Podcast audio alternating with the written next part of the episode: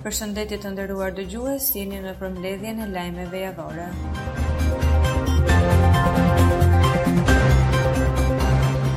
Lajmet e ditës së hënë. Drejtuesja e misionit të OSBE ODIHR Ursula Gacek tha se është shqetësuar për faktin se personat e infektuar me COVID-19 nuk mundën të votonin. Këtu ajo preku faktin se nuk u ngrit asnjë qendër votimi në spitale.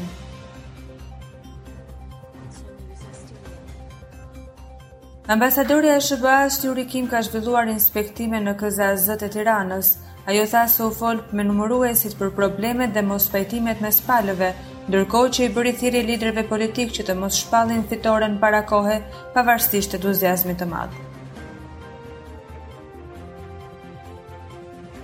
Kryetari i Partisë Demokratike Lulzim Basha është bindur se vullneti i popullit në kutitë e votimit të panumëruara është për Partinë Demokratike dhe Aleancën për Ndryshim.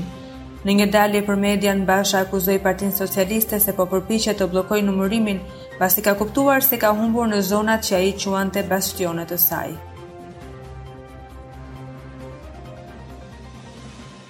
Dalja e rezultatit në njësinë numër dhjetë të Tiranës, ku Partia Socialiste doli forcë fituese për kandidaten e Partisë Demokratike për deputete Jorida Tabaku, tregon trendin fitues të Partisë Demokratike në të gjithë Tiranën.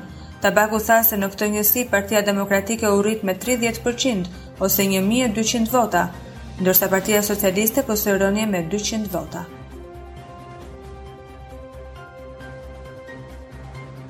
Ambasadori i Britanisë së Madhe, Norman, ka ndjekur nga afër procesin e votimit në qytetin e Vlorës. Norman ka thënë se për momentin është e rëndësishme t'u jepet komisionerëve hapësirë për të bërë punën e tyre.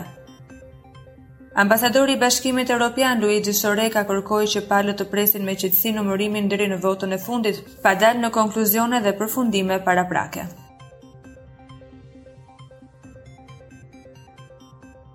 Lajmet e ditës së martë.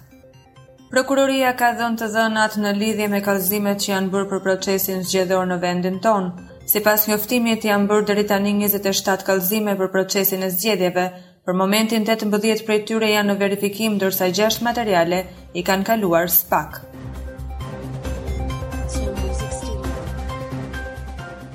Është mbyllur procesi i numërimit të votave në qytetin e Shkodrës. Partia Demokratike ka fituar bindshëm. Surpriza e fundit në këto zgjedhje është Partia Socialdemokrate e Tom Doshit.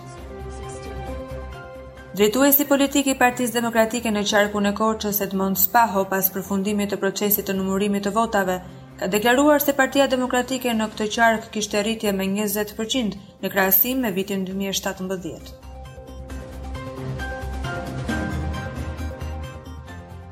Në daljen e parë publike dy ditë pasi shqiptarët kanë votuar, presidenti i Republikës Ilir Meta i bëri thirrje partive politike se deri në shpalljen e rezultatit të zgjedhjeve duhet qetësi dhe maturi.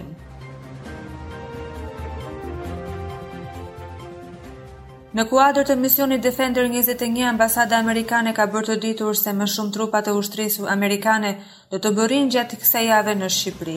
Gjatë gjithë stërvitjes trupat shqiptare do të stërviten së bashku me ato amerikane për të kryer operacione, duke filluar nga luftimet dhe deri tek ndihma humanitare.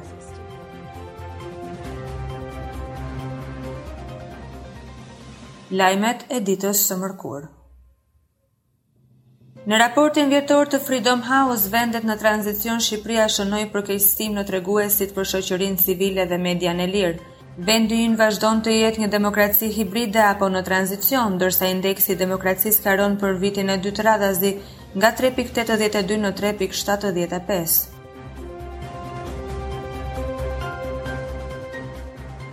Në konferencën për shtyp të mbajtur nga dega e Partisë Demokratike në Durrës, Edi Paloka ka konfirmuar edhe një herë faktin se Vangjush Dako njeriu i shpallur non grata nga SHBA, sillet si drejtuesi i Partisë Socialiste në Durrës. Beteja për demokracinë sapo ka filluar dhe ne do ta udhëheqim atë deri në fitoren, tha ndër të tjera Paloka.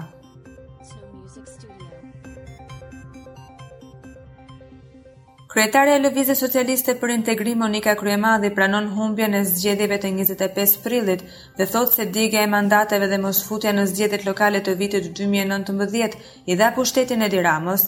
Patëm një strategji të gabuar duke filluar nga djegia e mandateve, mosmarrja pjesë në zgjedhje lokale, që i dha në dorë pushtetin Edi Ramës.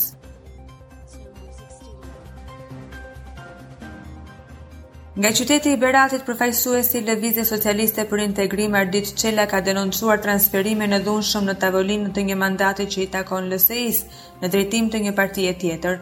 Çela ka folur edhe për fenomenin e prezencës në kuti të një sasie më të madhe votash sesa numri i votuesve.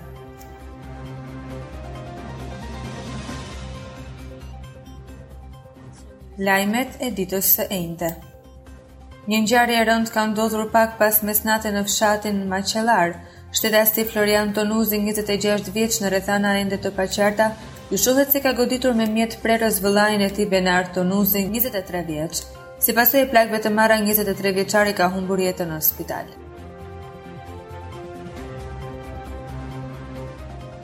Një grabitje me armë zjarri ka ndodhur në një argjendari në Vlorë pranë shkollës Ismail Qemali.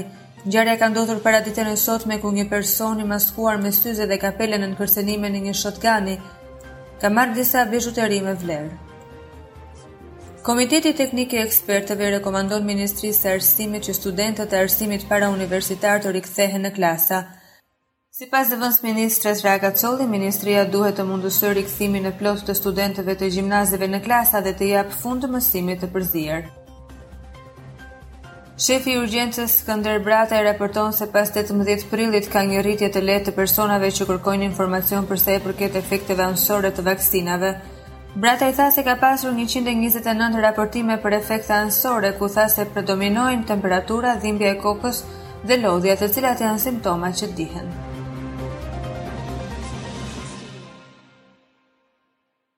Lajmet e ditës së premte. Kryeministri Edi Rama ka njoftuar nëpërmjet një postimi në Facebook se ditën e sotme kanë mbërritur njëzet e pesë mijë doza të vaksinës ruse Sputnik. Ai shprehet se ritmet e vaksinimit do të vazhdojnë të rriten. Mbërrijnë njëzet e pesë mijë doza të tjera të vaksinës Sputnik. Ritmet e vaksinimit do të vijojnë të rriten dhe objektivi i gjysmë milioni të vaksinuar brenda majit do të arrihet në pjesën e parë të muajit, ka shkruar Rama në Facebook.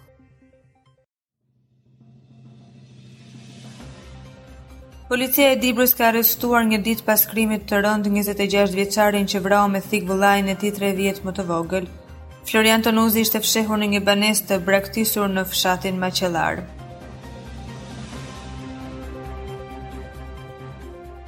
Sekretari i Përgjithshëm i Partisë Demokratike Gazmend Bardhi ka bërë një deklaratë për mediat ku denoncon blerjen e votave përmes legalizimit të pronave. Ai ka publikuar mesazhe private në një grup WhatsApp, ku sipas tij, për më shumë se një muaj administrata publike është vënë në funksion të blerjes së zgjedhjeve.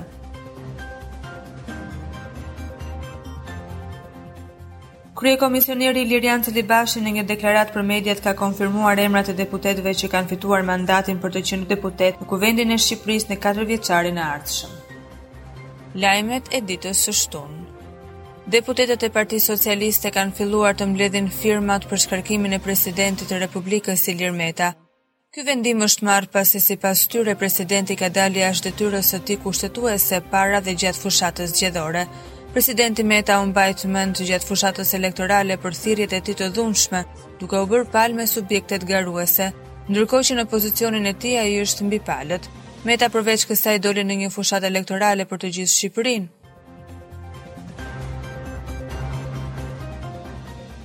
Presidenti Ilir Meta i ka quajtur shashka për të tërhequr vëmendjen nga numërimi dhe rinumërimi i votave të 25 prillit deklaratën e kryeministrit Edi Rama që paralajmëron shkarkimin e kreut të shtetit nga parlamenti aktual. Asnjë përgjigje për shashkat të cilat duan të largojnë vëmendjen nga 83.000 vota të pavlefshme që janë atje, që me pamjet filmike duhet parë se si janë bërë të pavlefshme, se s'ka statistikë në botë që të shikojë këtë rekord pavlefshmërie, është shprehur presidenti Ilir Meta.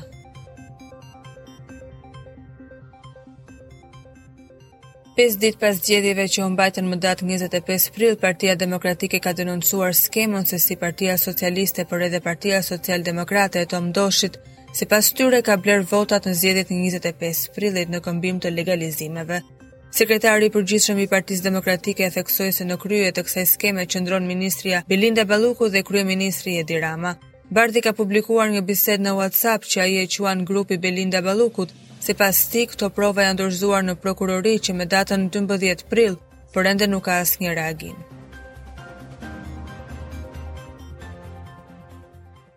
Partia Lëvizja Socialiste për Integrim ka deklaruar se po fakton shkeljet sipas saj të rënda në procesin zgjedhor dhe ka paralajmëruar se do të kërkojë rinumërimin e votave në disa qarqe të vendit. Në një deklaratë për mediat, sekretari i përgjithshëm i LSI-së, Endrit Brahimllari, u shpreh se është depozituar në SPAK kallëzimi për manipulime të rënda të procesit zgjedhor nga komisionerët dhe drejtorët e Rilindjes që manipulonin votat duke bërë shënime dhe duke i bërë ato të pavlefshme.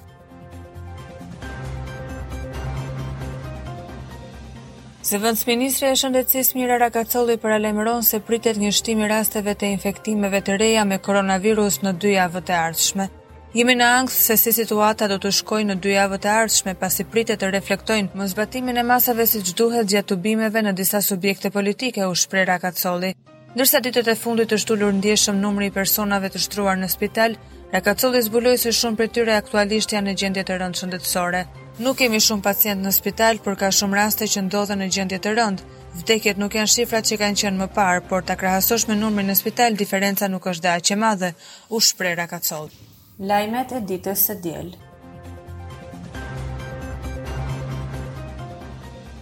Besimtarët ortodoksë kremtuan në Tiranë ringjalljen e Jezu Krishtit. Të shumtë ishin ata që ndodhen në meshën e zhvilluar mëngjesin e së dielës në Katedralen Ortodokse, pasi mbrëmjen shërbesa fetare nuk lejohet për shkak të orës policore. Aktiviteti është zhvilluar nën masat anti-Covid dhe pse ka qenë e pamundur të evitohen grumbullimet. Presidenti Ilir Meta ka uruar besimtarët ortodoksë për Pashkët. Meta ka postuar një foto ku shihet në krah të kryetares së Lëvizjes Socialiste për Integrim Monika Kryemadhi, që është edhe bashkëshortja e tij, teksa shkruan se drita e kësaj dite të shenjtë të ngrohë zemrat dhe të ndriçojë familjet shqiptare me shpresë, mbarësi dhe gëzim.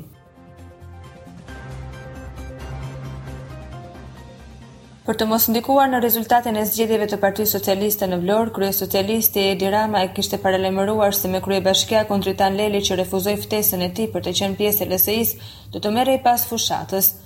Një javë pas 25 prillit, Rama ka ironizuar Lelin nga Vlora duke e konsideruar si një njeri të vdekur brenda bashkisë. Gjashtëdhjetë figura të reja të dala nga zgjedhjet e 25 prillit do të bëhen gati për të ulur për herë të parë në Kuvendin e Shqipërisë. 22 vjeçarja Andia Ulliri nga listat e Partisë Demokratike do të jetë deputetja më e re e Parlamentit, Ndërsa më e vjetra, shtatëdhjetë e nëntë vjeçarja Luljeta Bozo, nga listat e Partisë Socialiste, e cila do të çelë edhe seancën e parë plenare.